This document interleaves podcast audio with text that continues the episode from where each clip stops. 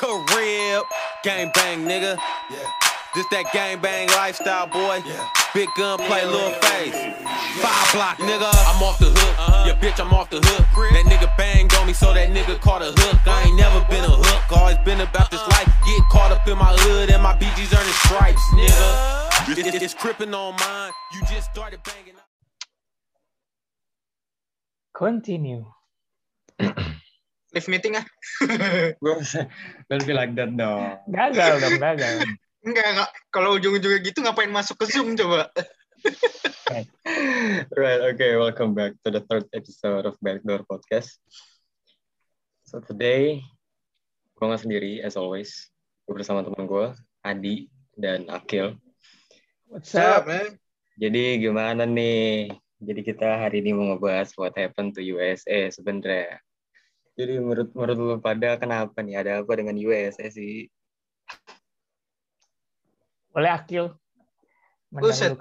Yang udah palain dulu dong. Siap. Jadi menurut gua, USA itu hanya bermain-main. FIBA competition. Singkat, padat, jelas. Tinggal pada dan jelas. Karena gini sih, menurut gue tuh eh, walaupun masih exhibition ya, maksudnya belum hitungannya masih scrimmage lah gitu. Cuman kan walaupun lu scrimmage atau lu cuman kayak sparring biasa lah nih hitungannya. Ya tapi kan lu seharusnya all out. Nah cuman ini kalah nih. Menurut lu ini ini ada kesalahan dari coaching staffnya atau memang ada kesalahan dari pemain-pemain yang dipick oleh USA? Coba dong. Rasanya gue belum tahu semuanya ya. It's okay, nggak apa-apa. Cuma menurut kalau yang dari veteran ada siapa aja? KD, Damian Lillard, KD, ada Damian Lillard, si- ada Draymond Green, Draymond Green, Jason Tatum, Tatum. Bradley Beal. Oke. Jadi menurut lo apakah ini kesalahan dari coaching staff-nya tersendiri atau ini adalah kesalahan bagaimana USA ngepick para roster-rostersnya itu sendiri? Kalau gue bilang ini salah manajemen. sih. Pertama, eh, yang dipick ini rookie yang eh, masih track recordnya di NBA, belum di FIBA competition. Itu yang Oke, pertama. Ya kan? Yang kedua juga eh, pro playernya atau player lamanya itu sedikit banget, cuman ada empat yang gue tahu ini player lama. Jadi nggak mungkin empat-empatnya ini bakal nge-carry si rookie tersebut. kalau menurut Akil bagaimana nih kesalahan dari Kalau coaching staff? kalau coaching staff menurut gue sih nggak eh ah, tapi banyak pemain baru nggak sih? Ada beberapa pemain pemain baru sebenarnya kayak Chris Middleton dipanggil, and then Zach Levine juga sebenarnya baru dipanggil musim ini. Tapi kalau dari segi coaching staff menurut gue sih nggak ada masalah. Karena seperti biasa kalau tim USA selalu yang ngebawa sih Greg Popovich kan. Ya. Dan dia juga menurut gue buat sistem permainannya Greg Popovich tuh udah di USA salah satu yang paling gue suka. Right. Dan memang bagus. Seperti FIBA World Cup sebelum-sebelumnya juga kan dia yang bawa dan hasilnya ada kan. Iya.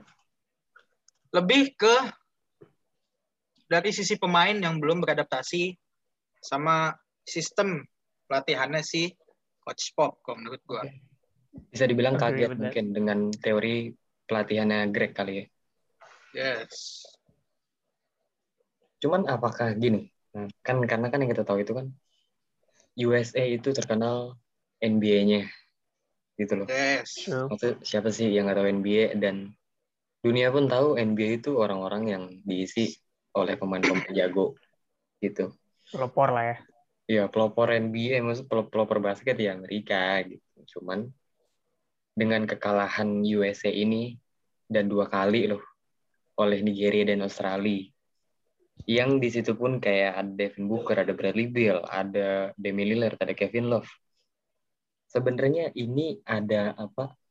Ada permasalahan antara rosters yang baru, yang benar-benar baru mempunyai mental di FIBA digabung oleh pemain-pemain veteran kayak Draymond Green, Kevin Durant. Apakah ini sebenarnya menurut lu, menurut lu berdua itu mereka butuh push themselves to be the best? Maksudnya untuk untuk USA apakah hanya ya udahlah musim apa saya untuk FIBA tahun ini kita juga masih baru. Menurut lu gimana tuh? Kalau dari gue uh, untuk roster pemain baru itu nggak perlu push themselves karena pertama adaptasi dulu dengan uh, rules rules yang ada di FIBA karena pasti jauh lebih keras dan lebih ketat FIBA. Jadi mungkin waktu ini saat ini mereka hanya perlu uh, beradaptasi aja. Oke oke oke. Kalau menurut lu? Kalau menurut gue, kalau misalkan ngomongin mental, yes. Kalau kita ngomongin pemain dari USA, ya gue nggak meragukan mental-mental orang sana sih. Iya iya. Karena mau pemain yang pemain-pemain biasa yang suka main di apa lapangan-lapangan umum di sana juga pasti hmm. main sama siapa aja gas kan. Hmm. hmm. Kayak misalkan pemain dari yang pemain-pemain biasa aja begitu, yang sekedar main aja jiwanya kompetitif banget, yeah. apalagi yang udah selevel NBA kan. Mm-hmm. Makanya kalau dari gue, gue bilang sih dari segi mental nggak masalah, nggak ada no fear lah ibaratnya kalau mereka tuh. Mm-hmm. Tinggal ya balik ke penyesuaian aja sih. Oke. Okay. Dan di sisi lain juga sebenarnya eh apa namanya coaching staff juga mungkin dari segi strategi apa segala macam harus lebih well prepare karena dari kayak kalah yang pertama sama Nigeria tuh juga coaching staffnya bisa dibilang nggak main-main ya. Mm-hmm. Juga coaching staff mereka juga bagus. Itu aja sih. Oke okay, oke. Okay. Cuman apakah menurut lo walaupun ini masih exhibition dan tiba-tiba nanti apakah USA akan comeback dengan performa baiknya mereka atau enggak? Sangat bisa. Bisa. Pasti bisa. sangat bisa. Kalau udah ngomonginnya sama orang Amerika, kayak kayak walaupun beda sih kayak misalkan kalau kita nonton NBA aja kan kadang kalau di basket konvensional yang lain kita mikir ah ini udah kayak begini udah pasti kalah atau apa. Yeah. Kalau di NBA kan apa aja bisa terjadi ya. Iya, yeah, benar. Betul, betul. Hmm. Nah, kenapa apalagi pemain bintang NBA-nya ada beberapa pemain, empat pemain ya yang di hmm. yang dipercayakan untuk ngebela tim yeah. USA dan sangat apa namanya sangat memungkinkan untuk hal seperti itu terjadi di FIBA hmm. di permainan tim USA. Tapi menurut lo apakah coaching staff dari USA itu salah langkah nggak sih dengan cara mereka tuh ngambil kayak Devin Booker, terus Chris Middleton, yang notabene mereka berdua itu ini sekarang ini lagi final, lagi final NBA menurut lo, menurut menurut lo apakah mereka salah atau mereka mendapatkan diri mereka dengan pilihan yang benar? Menurut gua nggak salah sih, karena eh, pertama buat eh, memotivasi eh, si player baru, ya kan, ke ranah FIBA. Kalau misalkan eh, empat star ini nggak ada, gimana? Siapa yang mau gantiin? Itu kan harus ada roster-roster yang baru untuk uh, menjelaskan cara bermain di FIBA selain empat empat star yang tadi. Yeah. Tapi regenerasi uh, ya. Ya yes. regenerasinya. Hmm. Tapi mungkin memang bebannya itu ada di Chris Middleton sama David Kevin eh Devin Booker. Uh. Karena harus mengeluarkan effort yang lebih hmm. uh, untuk memenangkan dua tim, yeah. tim Suns Phoenix dan tim USA dengan negara yeah. ini sendiri. Hmm. Tapi sebenarnya ini bukan bukannya kalau misalkan gue bilang ini adalah pekerjaan yang sangat berat yang diterima oleh Kevin Durant dan Damon Green gak sih? Yang mereka itu notabene adalah veteran tim USA. Mereka harus nge-carry uh, roster-roster kayak Juru Holiday, Zach Levine, Damian Lillard. Yang sebenarnya udah udah udah udah superstars di NBA gitu cuman kan yang kita tahu ya roster-roster baru ini masih baru lah di di FIBA ini yang hitungannya ya gue bawa nama negara nih gitu. Apakah itu menjadi pekerjaan berat antara Kevin Durant dan Draymond Green?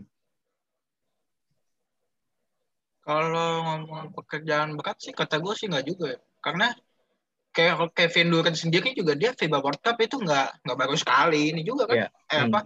Nggak dia waktu masih ada Kobe juga udah main kan? Udah udah main. Udah. Iya dia udah terbiasa pasti juga sama atmosfer atmosfer permainan tingkat dunia kayak gini. Apalagi salah satu yang dibutuhkan dalam uh, adanya mereka di tim USA leadershipnya kan. Iya. Yeah. Makanya uh, mungkin kalau dari dianya dia nganggap pekerjaan berat ya orang USA beda men. Iya. Gak ada itu pikiran-pikiran kayak gitu sih kata gue. iya iya oke oke. Dan mungkin lebih karena kayak gue udah beberapa kali main di FIBA, sedangkan lulu pada nih masih sekali dua kali yang yes. masih harus banyak belajar dan beban gue sebenarnya adalah gimana caranya gue ngajarin lulu pada nih. Mungkin lebih karena situ mungkin ya. Iya. Yeah. Tapi gue rasa kayak... uh, roster roster sorry gue potong roster roster ini nih gue rasa punya uh, jiwa kompetisi yang kuat karena mereka yeah. berawal sebelumnya NBA ya kan. Hmm. Pasti mereka ngeliatin uh, stars player starsnya itu di hmm. latihan USA. Yeah. Kita tahu biasanya ada Instagram atau di mana pun hmm. juga pasti kan hmm. uh, yang pick up pick up uh, roster ini pasti ngeliatnya USA dulu tim USA. Yeah. Pasti gue rasa semua orang baru-baru ini punya jiwa kompetisi yang gede sih. Gak mungkin menyerah begitu aja gitu. Oke. Okay. Kalau dari lu Kil, dari lu mau ngomong apa Kil? Ya, apa leadership ibaratnya kalau di timnya Indonesia Arki bro. Iya. Aduh. Arki itu tadinya di waktu Indonesia Patriots main di IBL hmm. sebelum Indonesia Patriots main di IBL Arki hmm. itu nggak dipanggil buat timnas. Tadinya. Karena ya karena uh, dari coaching dan manajemen udah dia mikirnya udah saatnya untuk timnas Indo tuh untuk regenerasi kan Nah, situasi kalau menurut gue situasi seperti ini yang sedang sekarang sedang terjadi di tim USA. Oke. Okay. Dan hasilnya juga pun nggak langsung bagus. Iya, iya. Pasti itu. Namanya regenerasi kan ada adaptasi, ada apa penyesuaiannya pokoknya sama atmosfer dan intensitas permainan. Mm -hmm. Tingkat dunia pasti walaupun sehebatnya mental orang Amerika pasti harus ada effort lah. Mm. Benar. Tapi gini uh, sebenarnya kalau kita ngebahas kayak tim USA itu tuh butuh veteran lagi nggak sih? Karena kan ini di sini veteran dua nih Kevin Durant dan uh, Draymond Green gitu. Yang kita tahu kan USA itu kan since uh, tahun-tahun dulu mereka punya LeBron mereka punya Curry gitu. Terus mereka juga punya Carmelo Anthony gitu kan yang sempat dipanggil juga. Menurut lu butuh mereka nggak sih atau enggak lu lu lu punya statement nggak kayak kenapa sih mereka tuh nggak masuk ke ke, ke timnas USA gitu? Kalau dibilang butuh untuk kemenangan, gue rasa butuh. Okay. Cuman kan eh, zaman kan harus berubah, right. ya dong. Hmm. Harus ada regenerasi lagi, harus ada pemain-pemain baru lagi yang menggantikan veteran itu nggak mungkin veteran-veteran yang udah tua, udah lama bermain dipanggil Masa lagi. mau ngandelin mulu ya kan? Nah iya. itu hmm. bonyok-bonyok yang ada. Banyak-banyak yang ada. Iya. Iya. Iya iya. Kelas. Berarti memang pada ini. Oke oke. Silakan. Uh, gue punya pertanyaan sih ini uh, keresahan gue. Apakah okay. ini uh, salah satu cara USA memberikan peluang-peluang kepada negara-negara lain supaya FIBA tahun ini tuh mereka pada menang gitu. Kalau karena uh, ya karena starsnya kan sedikit banyak orang-orang regenerasi gitu ya di USA otomatis belum ada tahu belum ada yang tahu rules rules di FIBA kecuali negara-negara lain gitu. Balik lagi ke notabene yang seperti gue bilang, USA itu dikenal oleh pemain dikenal sebagai pemain-pemain basket yang yang nggak bisa dianggap enteng gitu. Kalau misalkan lu bilang, ya udah deh nih, ini roster si USA gue panggil yang muda-muda biar negara-negara lain menang. terus pandangan negara lain ke tim USA ya pasti bakal jelek karena nggak mungkin suatu negara manggil satu tim itu untuk kalah nggak mungkin nggak mungkin ya?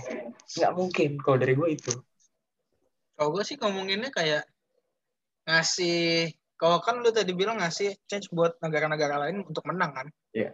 Yeah. gue sih lebih kemikirnya kan USA-nya juga mau menang men. Itu dia makanya kan gue iya bilang kan. Apalagi abis kalah abis kalah kayak begini. Iya. Dan orang tahu yeah. USA negara basket men. Yeah. masa iya? Mereka merelakan uh, nama negaranya dia kalah. Apalagi di kancah FIBA World Cup mm-hmm. Piala Dunia. Piala, mm. dunia, Piala Dunia basket. Kalah dengan cara seperti itu kan enggak lah Iya makanya kan. Jadi USA nggak nggak nggak memberikan peluang untuk yang lain gitu ya? Nggak ya. mungkin memberikan peluang menurut gua. Nggak mungkin. Ya Karena ngapain aja? Berpegang teguh kayak ya negara gua adalah negara basket gitu. Iya. Tapi bisa jadi peluang buat mereka untuk menang. Ngerti nggak sih lu? Dalam Karena, arti apa dulu nih? Dalam sudut pandang apa dulu? Sudut pandang pemain baru masih banyak yang beradaptasi, makanya pemain-pemain dari luar negeri kayak Cina, Sage, segala macam itu hmm. uh, peluang untuk nerobos tembok USA ini. Berarti gimana? Enggak lah. Enggak ya, enggak, tetap nggak bisa ya? Tetap nggak bisa. Walaupun ini apa namanya, walaupun hitungannya juga mereka mau ngasih jam terbang ke pemain-pemain mudanya, ya tapi dia juga pasti mau hasil apalagi USA itu kan harus maksimal semuanya gitu kan kalau yeah. main basket. mm-hmm. ya pasti begitu. Nggak mungkin apa yang tadi lu bilang. Iya makanya kan gue bilang tadi balik ke notabene lagi. Amerika tuh siapa sih? Nggak tahu basket di Amerika men. Gitu kan misalkan mereka ngasih peluang kayak ya udah deh nih. Ini gue juga udah nggak ada pemain-pemain veteran gue manggil pemain muda semua. Jadi gue kasih kesempatan deh nih Cina atau siapa kek menang nih nggak mungkin. Nggak mungkin ya? Nggak mungkin. Nggak mungkin. Yang jelek pandangannya langsung. Gitu. Tapi berarti menurut lo berdua ini kita ya? Berarti untuk ya walaupun ini masih exhibition kita lihat nanti di di maksudnya di match-match selanjutnya yang udah benar-benar pure match gitu. Yeah. Berarti dengan rosters yang kayak ya ada Bama Debayo berarti Bill, Kevin Booker, Kevin Kevin Durant, terus ada siapa nih Jeremy Grant, Ivari. Waduh. Kalau saya main kayaknya langsung gold medal kayaknya. Waduh. Waduh. Jangan deh, biar biar tanding aja dulu ya. Kalau si antar ke negara lain. Dari yang main ntar USA menangnya gampang, nggak enak. Iya, nggak ada usahanya ya. Iya, nggak ada usahanya. Nggak ada effort deh. Arah. Oke, instant, lanjut. Instant win gitu ya. Iya. Iya, berarti berarti uh, menurut lu berdua bisa ya dengan rosters USA yang panggil sekarang kayak ada Kevin Love, terus ada Chris Middleton juga, ada Jason Tatum. Sangat bisa. bisa. ya. Sangat kalau, bisa. Kalau mereka uh, menggunakan exhibition ini untuk belajar, bisa. Pastilah. Iya. Jam terbang. Hmm. Exhibition masih lama, masih ada lima hari lagi. Oke. Okay. Berarti untuk untuk untuk bab USA kita tutup. Ya, kita, jelas, kita balik ke ranah NBA sedikit nih. Untuk final kita udah tahu Bucks dan Phoenix Suns. Asik. Kalau gue tanya, Akil sama Adi, lu megang siapa? Terakhir BP 21 ya sekarang? 21, 21. Phoenix Leeds. Masih Suns lah, gila bro. Iya oke, oke. Gue ngerasa gua, Phoenix sih. Gue ini itu bro, pendukungnya statement dari siapa? Lord Rangga. Asli. Lord Rangga. Lord Rangga. dia bilang Sans, oke okay, gue juga Sans. Walaupun pasti alasannya beda ya. Oke. Okay, okay. Kalau dia bilang kan dia kencangan. Beda ya. Sans ya. Sunsda ya. Sunsda gitu ya. Benar benar benar. Dia Sunsda. Ya, benar ya.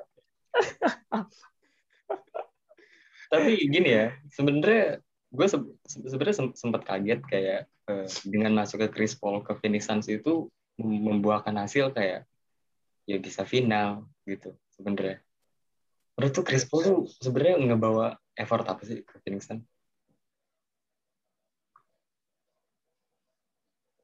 Phoenix Paul. Chris Paul in Phoenix Suns benar-benar dia tuh jadi heart and soul-nya banget di Phoenix Suns kalau menurut gue. Jadi papahnya Phoenix banget ya sih? Ya otaknya otaknya Phoenix Suns kalau nggak ada CP di siapa nih? Okay. IQ basketball, playmaking.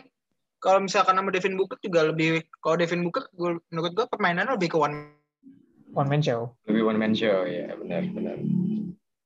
Sementara ya di sini kelihatan kalau apa yang kalau ngomongin playmaker ya Chris Paul. Iya, Chris yeah. Paul jelas. Anak Tapi muda belum bisa Suns, jadi playmaker. Tapi kenapa di Phoenix Suns? Sedangkan Chris Paul pernah Terus di... dia. Enggak maksudnya. bukan gitu, bukan gitu maksud gue. Oh, maksud gue tuh jawabannya instan. Kenapa di Phoenix Suns gitu. Sedangkan kan Chris Paul itu pernah di pernah di OKC Thunder, pernah di Houston Rockets gitu kan. Karena Phoenix Suns gitu maksud gue. Nah, justru kalau menurut gue memang uh, si Phoenix Suns ini salah satu tim yang cocok buat karakter pemain kayak si Chris Paul. Okay. Karena yang lainnya juga kan ibaratnya dia kan penggeraknya nih. Hmm. Yang yang lain eksekutor-eksekutornya bisa nyocokin sama si Chris Paul maksudnya dari kalau dari Chris Paul ya udah apal titik-titiknya pemain-pemain teammates dia gitu loh. Dan untuk nambah si apa namanya? Nambah power si Devin Booker juga siapa yang berhentiin anjir. Iya benar benar oke. Okay. Kalau sebenarnya apa sedangkan kalau misalkan di tim-tim sebelumnya kayak waktu di Houston Rockets dia sama James Harden kan? Sama James Harden dan Carmelo Anthony. Nah, otaknya di mana tuh? Rebutan. Iya, Kebanyakan iya. pasti penyakitnya tuh kayak gitu. Iya, iya benar-benar. Apalagi the play apa playmaker pasti kalau ngomongin dalam satu tim playmaker pasti satu dua kan? Hmm. seminimalnya kan dua. Yeah. kalau misalkan lebih dari kapasitas playmaker yang seharusnya ada di suatu tim menurut gua ya hancur. Nggak ada eksekutor ya? Iya. Kayak si siapa tuh? uh, yang ngumpul-ngumpulin si Nets. Kalau ngomongin playmaker ada Harden ada Kyrie. Semua ada. Ada sih Iya. Mau apa? Ngatur-ngatur posisinya aja bingung kan dia. Yang mau bawa bola, yang mau posisi dua aja siapa? Oke. Benar, benar, benar. Boleh, boleh, boleh. Statementnya boleh. Tapi gini, gue masih percaya Bucks itu bisa mengembalikan keadaan dengan satu syarat sebenarnya ya maksudnya ada beberapa syarat sih. Cuman ini uh, salah satu syarat yang menurut gue kalau Bucks mau menang ini syarat harus dilakuin. Syarat dan ketentuan berlaku. Yes. Kayak beli mobil aja. Syarat dan ketentuan berlaku. Gitu. harus bayar. DP di depan. DP di depan. Benar banget. Bukan gini, uh, syaratnya adalah satu, Giannis play from quarter 1 sampai quarter 4 in case in case dia walaupun main dari kuarter 1 sampai kuarter 4 harus dikasih jeda waktu kayak tiga menit atau empat menit sebelum game selesai dia di sub. Itu satu. Kedua, watch the Chris Middleton. Gitu. Chris Middleton sebenarnya itu menurut gue adalah rosters yang benar-benar bisa ngebantu Giannis untuk mencapai champion nanti. Cuman sayangnya adalah Chris Middleton itu sometimes hot, sometimes cold gitu loh. Kadang-kadang shootnya jelek, kadang-kadang shootnya bagus, kadang-kadang drive-nya blek banget, kadang-kadang juga bagus gitu. Syarat gue itu tuh satu dan dua itu.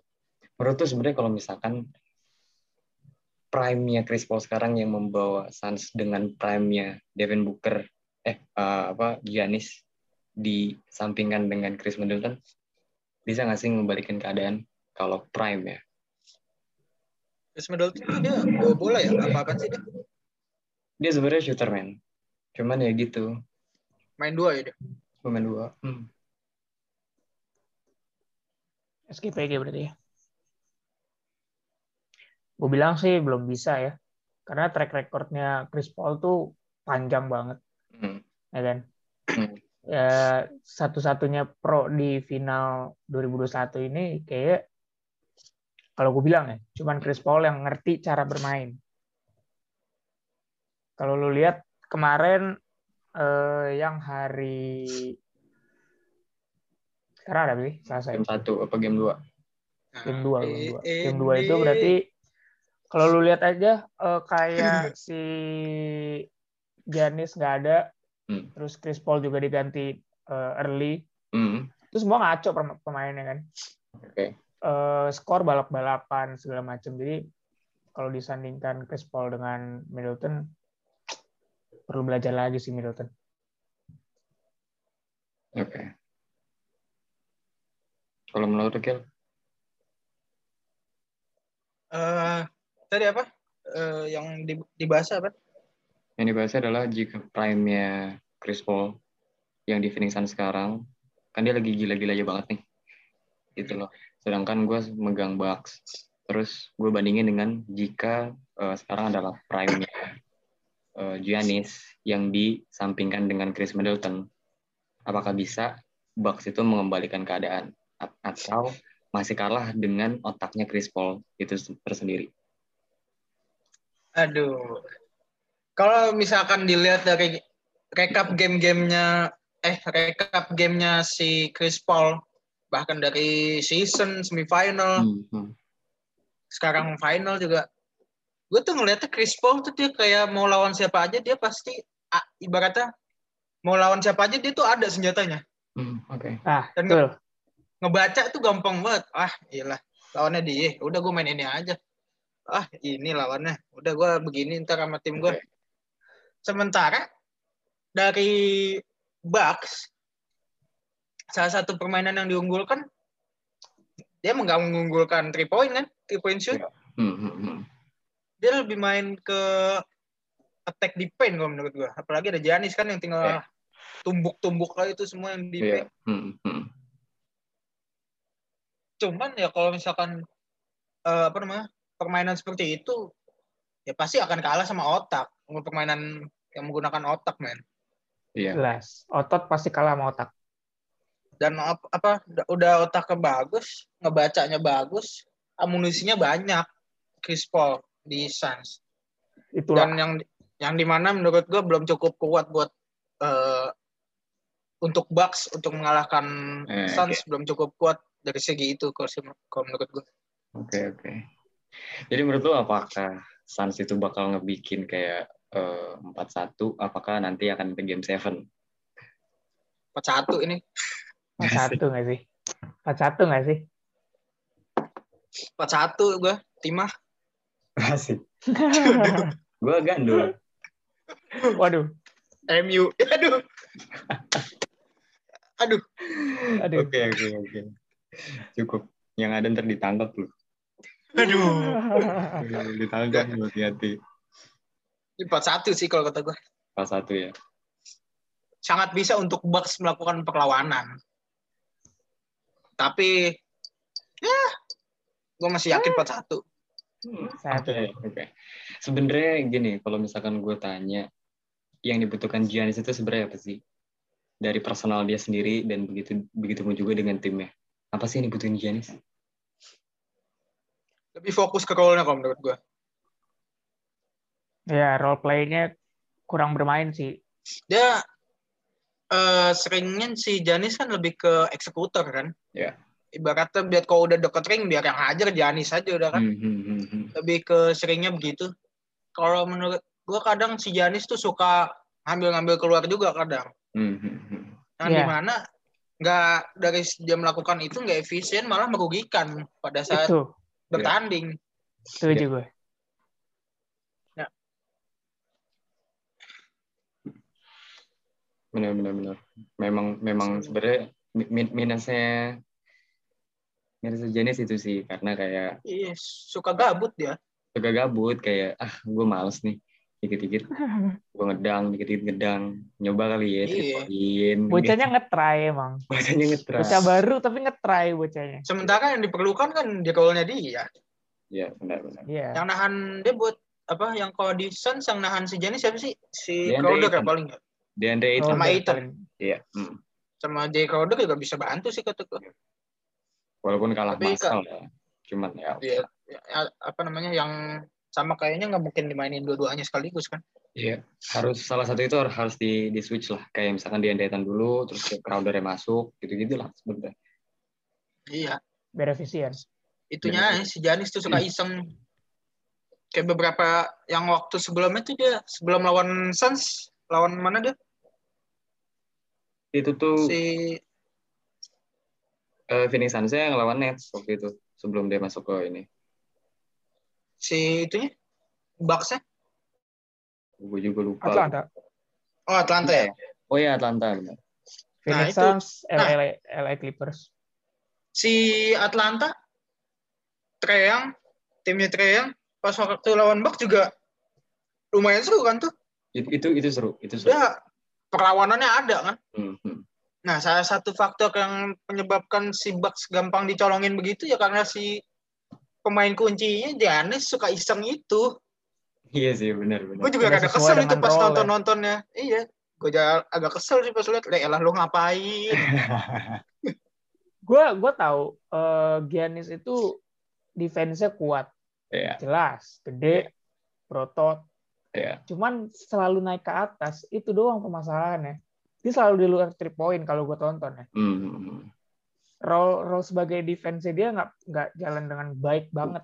Mm-hmm. Shootingnya dia juga kayaknya nggak nggak aku kata kata amat ya. Masih kalah sama Chris Paul jelas. Ya iyalah. Iya benar benar benar. Berarti empat satu kemarin ya? Empat satu banget 4 -1 nih. Satu jelas empat satu banget ya kasih uh, kendor dikit 4 dua lah. iya, Empat tiga sih enggak sih kata gue mah. Empat tiga enggak lah ya. Nah. Untuk di dua lah, satu setengah lah, satu setengah. Okay. Hanya dua. Aduh, nego lah nego. Aduh. Nego. nego. Gue beli gitu lu Gil. Aduh. Ya, dulu dong, belum kawin, kesian amat tadi jual. Waduh. Yeah, yeah. Terus nih, Les, uh, harapan lo untuk tim-tim kayak misalkan LeBron yang untuk musim depan terus juga kita musim depan ngelihat uh, LeBron ngelawan Curry dan Klay Thompson terus ya uh, message lo untuk tim-tim kayak Sixers, Ben Simmons, Joel Embiid atau kayak Hawks gitu musim menurut uh, menurut lo hopes yang lo pengen di musim depan tuh kayak gimana? Buat pemain-pemain NBA atau uh, setiap kita ngelihat permainan misalkan tim apa yang udah kebayang udah ada kita jadi ada harapan gitu sama permainannya mereka hmm. jangan sering-sering cedera lah. Penyakitnya itu mulu aja. Gue iya. tahu gue gue tahu solusi buat uh, hope lo gimana caranya? Bawa tukang gue ke sana bukan, bukan. Aja Ipung gue ajak ajak LeBron ke film keduanya Oh. Spesial LeBron. Iya, ini dong, apa namanya beda. Beda kalau itu. Biar nggak usah main, udah main basket di film aja. yang semuanya isinya 3D aja udah semua. Iya. Malah sebenarnya gue gue gue gue sempat baca statement kayak sebenarnya NBA paling terkeren itu adalah 2018 ke bawah, 18, 17, 16, 15. True. Sekarang tuh antak banget, men. Anta banget ya. Anta banget. Kosong banget ya. Kosong, kosong banget. Walaupun di lain beda. sisi, yeah. di lain sisi kayak semua tim punya chance yang sama gitu ya. Mm -hmm. Tapi yeah. di lain sisi juga ada yang seperti itu. Jadi Mungkin karena rules ya sudah berubah kali ya. Enak nggak enak ya. juga sih jatuhnya ya. Iya enak dan iya. juga. Dan rulesnya juga kayak, antara berubah dan nggak berubah sih mesti nggak jauh beda aja. Cuma bedanya adalah musim sekarang itu yang gak enak dilihat karena satu banyak yang cedera.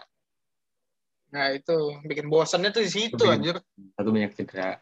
Kedua yang sebenarnya mereka juga di force kayak uh, mereka main di regular season terus juga over over practice menurut gue. Sebenarnya kalau gue lihat tuh pemain-pemain NBA yang cedera tuh mereka tuh over practice. Dan kayak ngetumur aja udah tua masih aja over practice gitu maksud gue dan ketiga mereka juga disandingkan kayak satu praktis NBA dan kedua praktis untuk seleksi kayak USA gitu sih menurut gue yang bikin mereka tuh bodinya tuh turun banget gitu kayak LeBron. Apalagi setahun nggak basket kan. Iya kan, iya bener banget. Iya. Jadi kalau Hops lo apa andai? Hops lo apa andai? Hops gue ya, uh, semoga makin seru ya hype-nya. Karena gue nggak dapet hype nih di 2019 ke atas tuh nggak dapet hype-nya gue NBA. Nah, pas pas mau mulai tuh kayak udah dapet ya. Iya, udah, udah jelas. Sebenarnya gitu kayak udah, udah, udah pikir kayak ah udah nih si ini yang menang, si ini yang menang gitu loh. Dipikirkan iya, nih udah ngebayangin. Mm -mm. Tapi karena uh -uh. kejadiannya seperti itu ya, iyalah males banget. Jadi buyar semua, bener. Makanya Akil yang masih muda aja bisa dengan yakin 100% 4-1 untuk Suns Phoenix. Aduh. Iya, benar, benar. Karena udah hype-nya tuh udah nggak nggak yang lawan lawan lawanan gitu. Udah iya, nggak partai-partaian gitu kayak pas season yang heboh sih apa Nets, Lakers, yeah. Golden State. Well, Golden State karena cookie sendiri aja sih. Yeah. Tapi true, true, Tapi ujung-ujungnya di final yang ke, yang kelihat yang nongol siapa? Sun Rookie. sama Bucks. Ini dari mana? Rookie semua yang nongol. Out of nah, nowhere tapi, tapi jujur, tapi jujur, lu lu berdua kaget nggak? Gue nggak kaget karena uh, regenerasi kali ya karena butuh pemain muda juga. Apalagi legend legendary kan udah pada hmm. nggak nggak nggak ikut campur dengan hmm. basket NBA paling cuma siapa doang? Jordan doang. Yang membeli uh, beli tim apa? Berlupaan Hornets. Ya Hornets. Yeah. dan itu juga kecewa kan? Jordan pun kecewa. Dengan iya. pilihannya. Iya benar. Benar banget kalau gue lebih bukan lebih apa bukan apa tadi kalau lu bilang? Hype. Hype-nya. Nah, kalau gue sih lebih agak sedikit lebih ke arah kecewa sih. Kecewa karena, karena... cedera cederanya nah iya itu. Kesel banget gue simple banget ya. apalagi udah ya kan udah nunggu nungguin gitu loh. Wah ini match day-nya hari ini. Terus kita baru tahu berita ini cederanya setelah berapa lama udah yeah. nunggu? ya si kampret cedera iya benar benar dan kita juga kasih doa lah buat Jamal Murray. Semoga ACL-nya ya nggak parah-parah banget deh. Itu sih. CL lama ya. tuh. Lama tuh 40 tahun ya. Aduh. doa buat McGregor juga ini ini ini, ini basket. beda cabang beda cabang, beda cabang. Jangan, beda cabang ya? jangan, jangan lompat lah. Lompat lah gitu loh. Oke, jadi mungkin itu aja nih. Berarti udah tutup buku. Asik udah ke sekolah ya. Tutup buku. Jadi itu di episode 3 kali ini. Terima kasih udah dengerin. Jangan bosan-bosan dengerin Backdoor. Karena tamu-tamunya tuh orang penting semua. Oh, siap. Sadap. Gak mungkin Dan jangan lupa. Ya, apa-apa. Jangan lupa dukung timnas Indo, bro buat nanti oh, iya, main lagi bulan Agustus. Ya, oh, udah pasti. Biar lolos uh, FIBA Asia bisa biar bisa main di World Cup. Iya, oke, okay, benar. Dan jangan Masa lupa ya, tuan uh, rumah nggak main ya kan? Iya, benar, benar. Jangan lupa legasi aparel Sun. Aduh, promosi. Ada terus, masuk. Siap. Jadi intinya nggak mungkin gue ngundang-ngundang pembicara-pembicara backdoor tuh yang ece-ece, nggak mau deh gue jelas.